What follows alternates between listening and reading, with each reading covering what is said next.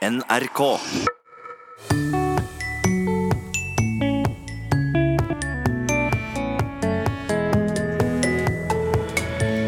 Blir en pikant dose latin i dag, om ord som i flere hundre år er blitt sensurert eller forskjønna av oversettere. Og da snakker vi om sex og sånn. Det er jo rart at man skal være så, så skamfull og tie så stille om eh, seksuallivet, som er eh, grunnen til at vi alle sammen er her på jorda. Kjær aktivitet har mange navn. Noen sier drive dank, andre sier å slå skank, eller å spille skanker. Og, og det er også et trønderuttrykk å hegne fluaføtter. Men, spør lytter, hva er egentlig dank? Vel møtt til Språkteigen. Vi starter med en bunke lytterspørsmål i dagens Språkteigen. Georg Kjøll og Tor Erik Gjenstad er på plass, og det første spørsmålet kommer fra Knut Møllbakk. Han skriver jeg er pensjonist, og når jeg blir spurt om hva jeg driver med i pensjonisttilværelsen, så svarer jeg ofte at jeg driver dank. Jeg vet hva tilstanden innebærer, men skulle gjerne visst opprinnelsen til uttrykket. Ja, øh, han nevner også at han driver øh, filen dank øh, som en sånn vittighet i, i spørsmålet sitt. og det er Ja, her er det to, to, forskjellige opphav. Altså de som kjenner tysk og vet at filen dank betyr tusen takk, det har ikke noe med hverandre å gjøre.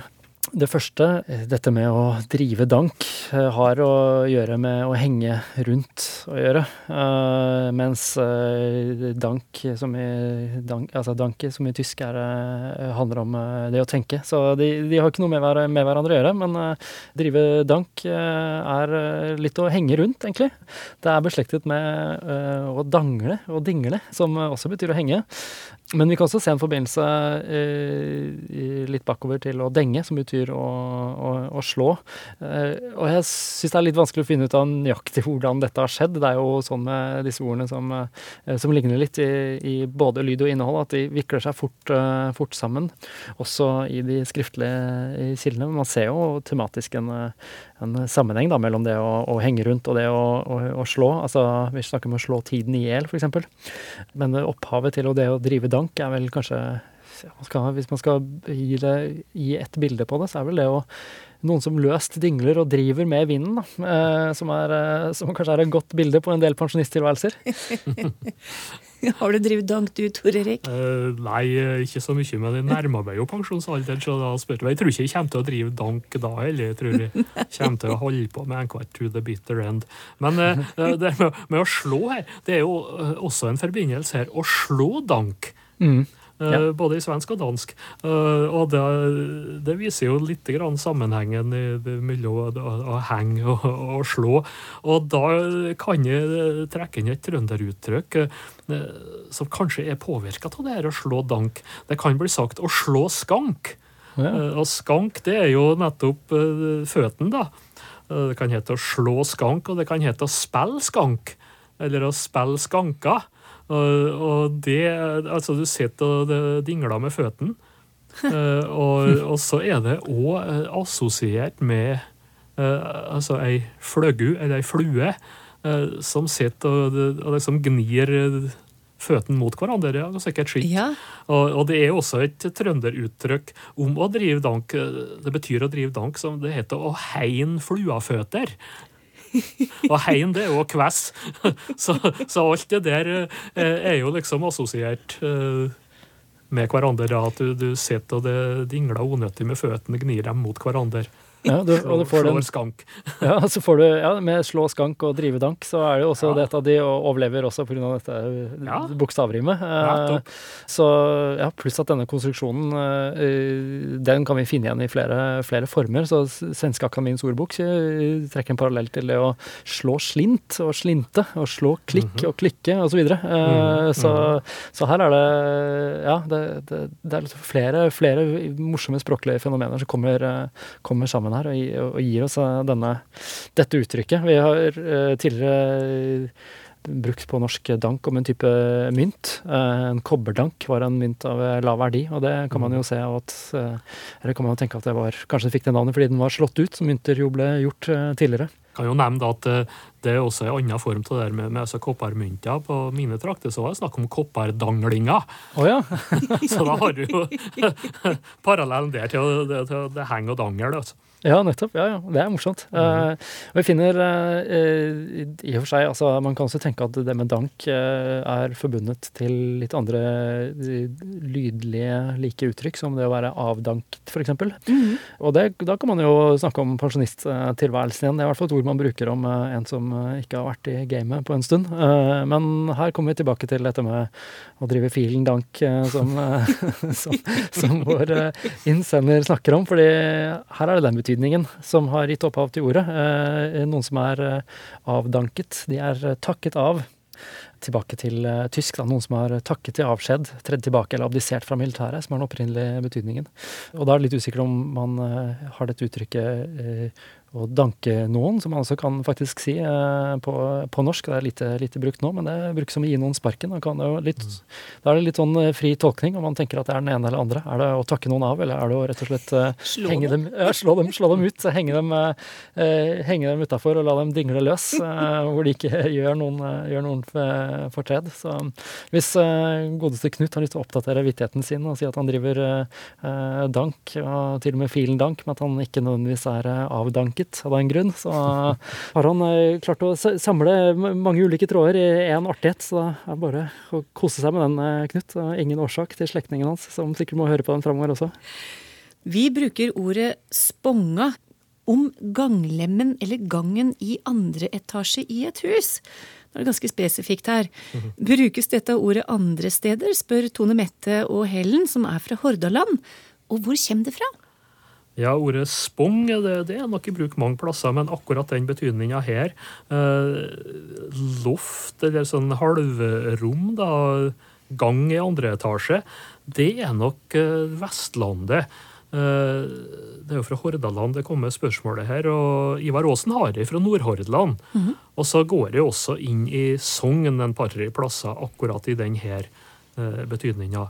Men vanligvis så betyr jo ei spong et uh, jernbeslag, eller et metallstykke. Og En annen betydning som vi kjenner bl.a. fra Trøndelag, det er at de bruker spong om et belte av is over en fjord eller over ei elv. Oh, ja. Og det er jo norrønt ordet her, da. Spong i norrønt betydde jo både tynn plate, eh, men også ei slik isbru eller isflak. Så det er nok samme ordet. Uh, og jeg kan jo lure på om det er den her eh, isbru da, som har ført til at, uh, at det også har kommet i bruk om uh, gang eller lem i andre etasje i et hus. Men det er ganske lokalt, altså, akkurat den der. Altså, jeg, jeg kjenner ikke det, det dialektordet er heller. Jeg kjenner det igjen fra stedet Spongdal. Ja. Det ligger vel i, i Trondheim, gjør det ikke det? Ja, det ligger ute på Byneset. Og, og, der er det nok et eller annet i terrenget som, uh, som, ligger til grunn. Men det er nok det ordet som uh, går inn i førsteleddet. Og du har det vel òg i litt annen form i Spangereid nede på lista. Men det har ikke noe med sopp og svamp og sånne ting å gjøre. Vi snakker jo om at noe er, eh, kan være spongiøs, eh, altså det kan være svampaktig i medisinsk ja. Eh, språk. Ja, og du har jo sponge på engelsk om uh, svamp, ja. Ja, Om det er noe sammenheng der, det skal jeg ikke kunne si sikkert. Da må man gå mer inn i litteraturen. Uh, det er iallfall belagt i norrønt, og det kan godt være noe sånn felles germansk, for alt jeg vet. Ja, det var siste svar det fra Tor Erik Gjenstad og Georg Kjøll. Takk til dere.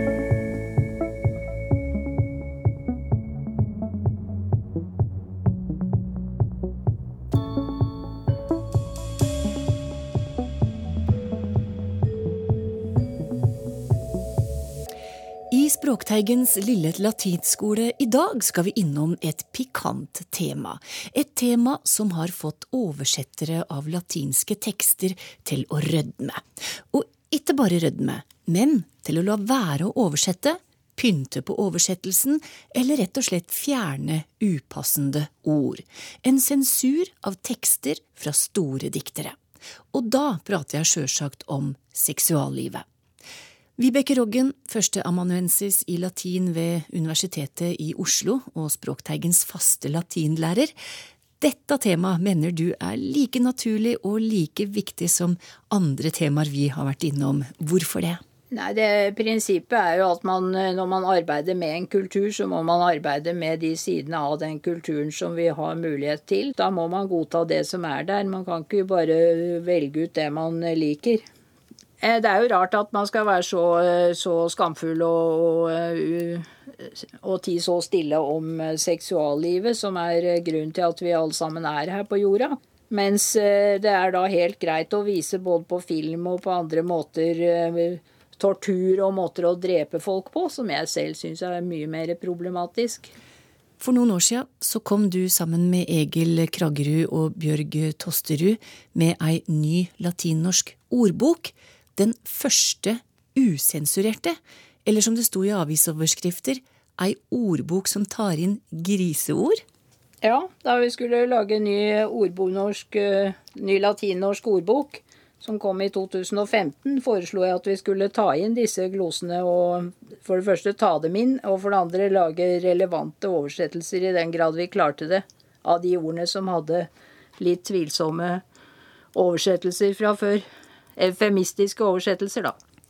Det vil si formildende eller forskjønnende oversettelser som er gjort gjennom århundrer under en kristen moralkodeks. Og da prater vi om innflytelsesrike og store diktere som Vergil, Catull og Horat, som altså ble sensurert. Men på hvilken måte? Jeg kan jo begynne med Josef Skaligers Catull-utgave fra 1577. Han unnskylder seg i forordet. Han har vært syk og har derfor syslet med disse små diktene. Og eh, hva de stygge glosene angår, så forsikrer han at disse gjengir han bare. Han bruker dem ikke aktivt selv i sine kommentarer. Eh, det fører jo da til eh, i det minste at, de, at teksten står der så godt som han nå har kunnet få den til. Eh, det er jo en bra ting. Mm. Men at han ikke kommenterer det, en lærd mann som han, det, jo, eh, det er jo en svakhet, da. Ja. For det hjelper jo for forståelsen når eh, filologer kommenterer. Så han distanserte seg fra dem? Ja. ja. I en engelsk oversettelse av Petronius Satyricon fra 1800-tallet, der er, det, der er sexscenene hoppet over. Stille og rolig uten at det er noen markering. Eh, Petronius Satyricon er, eh, har vært kalt en roman fra første århundre etter Kristus, eh, eller en satirisk roman. Hvor sexguden Priapus er sint. Det er et hovedtema i den boka. Så der, der, hvis leseren bare leser den engelske oversettelsen, så finner ikke han eller hun ut at det mangler noe, da. Men eh, en mer kreativ løsning er eh, den som ble valgt eh, i en 1900-tallsutgave av Martials dikt til engelsk. Dette er epigrammer, korte, ironiske, humoristiske dikt. For da disse utvalgte diktene ble da oversatt til italiensk isteden. Så når du kjøper da en engelsk oversettelse, så får du da noen dikt oversatt til italiensk. Det er jo ganske spesielt. Men i tida mange av disse store dikterne levde, da, noen tiår før Kristus, så var tida prega av en helt annen moral, ikke sant? Jo da. Hvis vi går til Pompeii, ja. så eh, hvor mange har vært, og deriblant eh, jeg, så vil man kanskje ha lagt merke til noen spesielle veiskilt i form av en erigert penis som peker mot nærmeste bordell. Og byen kan også by på veggmalerier som viser samleie i detalj. Og det kan jo på en måte sammenlignes med å ha et pornoblad, men veggmaleri veggmaleriet var jo der hele tiden. Eh, til beskuelse for dem som kom inn i rommet, og ikke en nattbordskuff. Og eh, det fins også veggmalerier der av Priapus, denne sexguden jeg nevnte i stad, med en enorm penis, så stor at den må holdes oppe av et reisverk. Og det ser da ut til at slike elementer gikk inn som en del av dagliglivet for eh, ja, behøver ikke å si hele befolkningen, men eh, mange, da. Fra barnsben av. Eh, men ja, med en sånn lampe med, formet som en penis, f.eks. Man må jo ha hatt den lampa da i huset sitt, da, på ja. en eller annen måte. Mm -hmm. Og dette her, det gjenspeila seg vel da i ordbruken i mange av de tekstene vi nå prater om, og som du har eksempler på? Ja, eksempel dikt 16 av Katul. Pedicabo e, ego vos et iromabo, aureli patike et kinaide fori. Jeg skal rævpule dere og munnpule dere, perverse Aurelius og Furius. Det perverse er egentlig litt eh, pent sagt, for det patike er da en mann som eh, lar seg penetrere, og kinaide det er en gutteprostituert. Men det er jo til dels ganske grove ord som blir tatt i bruk her, så det er kanskje ikke noe rart at oversetterne har unngått det? Nei da, det, det er noe med graden her. Så det er klart at uh, mer type kjærlighetsfortellinger har jo fått stå, ikke sant? Mm på det mer romantiske sorten over litt uh, antydninger, da. Men da gjør vi da som vi pleier i latinskolen. Vi henter noen nyttige gloser fra temaet og hører mer om dem. Og vi kan jo begynne forsiktig med noen guder ja, som har gitt oss ord innafor dette temaet. Ja. Eksempel eh, Venus. Venus, ja. Jo, det er jo kjærlighetsgudinnen, det. Mm -hmm. Så, eh, og da er det jo litt trist, da, at hun ikke har ikke bare har gitt navn til en planet, men eh, også til uttrykket eller til veneriske sykdommer. For eh, i genitiv heter hun nemlig Veneris. Og hun eh, var gift med, eller er kanskje, gift med smedguden, men har, da en affære med krigsguden Mars. Og de får da den lille gutten Amor. Og han har da pil og bue og kan skyte og gjøre folk forelsket. Og å elske på latin heter amare, og det har tradisjonelt vært det første verbet man har lært, i hvert fall i, Danmark og Norge gjennom århundrene. I latinundervisningen, altså. Det betyr også å være glad i, og det er jo fint. Så en, en elsker er amator. Eh, og vårt ord amatør via fransk, da. En amatør er altså en som er eh, glad i og elsker det han gjør. Ikke en med dårlig kompetanse. Din amatør. Nei, men med litt amare blir det jo fort eh, sex ut av det. Ja da. Sexus på latin betyr kjønn. Så det er jo lett å kjenne igjen. Og grammatisk kjønn på latin, eh, det har, har et annet ord, genus. Da kan vi jo gå til kjønnsorganer. Først penis. Ja. Og det kjært barn har mange navn, og det har jo penis, da. Eh, det betyr opprinnelig hale, så betydningen penis er overført. Og formilskelses- eller diminutivformen er penikillos. Eh, blitt, og det betyr pensel, og det er blitt eh, til vårt ord pensel, og også til ordet penicillin. Når vi er på penis, så kan vi òg snakke om testikkel. Det er også en forminskelsesform, som mange av disse ordene på kulus. Eh, og dette er en forminskelsesord av testis, som betyr vitne. Så her har jeg sett minst tre forskjellige forklaringer på hvorfor testikler egentlig betyr lite vitne. At eh, ett vitne bare er et lite vitne og egentlig ingenting, og satse på en rettssak eller at romerne sverget ved sauetestikler, eller den mer pikante løsningen at uh, testiklene er vitner til kjønnsakten. Nemlig. Mm. Så vi kan jo holde oss til den morsomste til slutt der. Ja, vi gjør det. ja.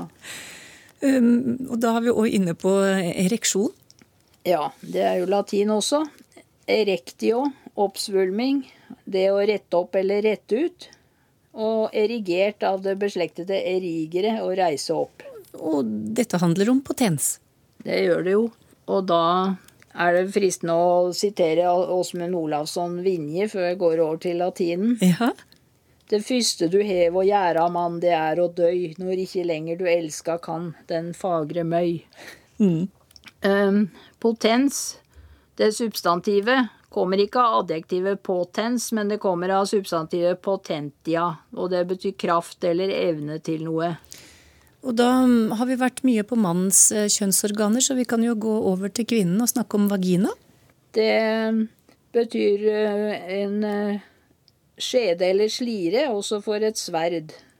Så det er også en overført betydning. Hva med ordet lesbisk? Det kommer også fra et klassisk språk, nemlig gresk.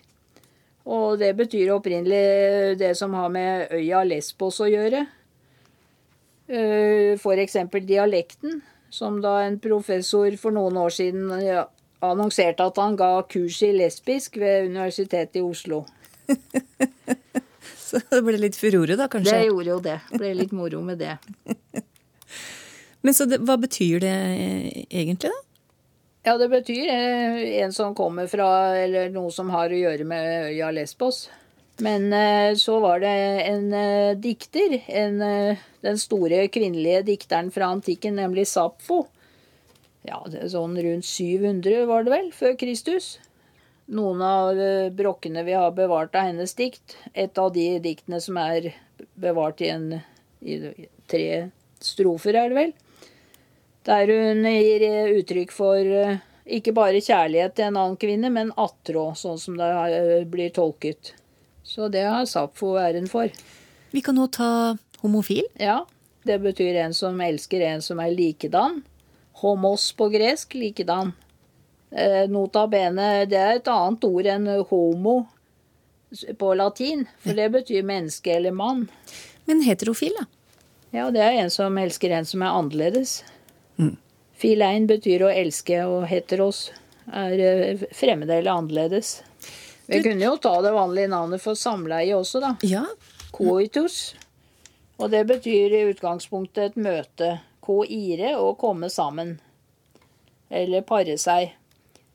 Og i et litt deprimerende uttrykk heter det da post coitum omne animal triste. Etter et samleie er ethvert levende vesen bedrøvet. Uff da. Usch, ja.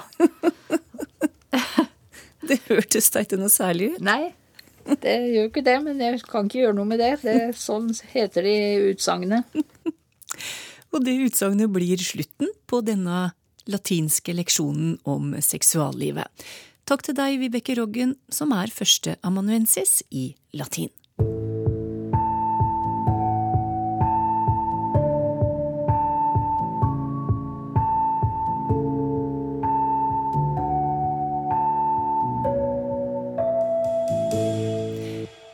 Oppsal og Sylfest Lomheim er klare til å svare på flere lytterspørsmål.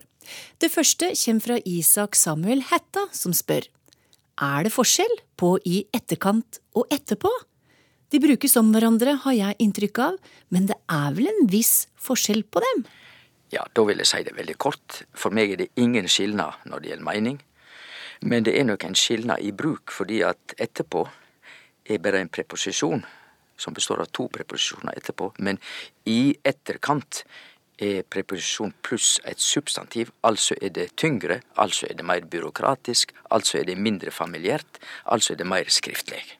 Men ellers er det ingen skilnad, etter mitt språksyn.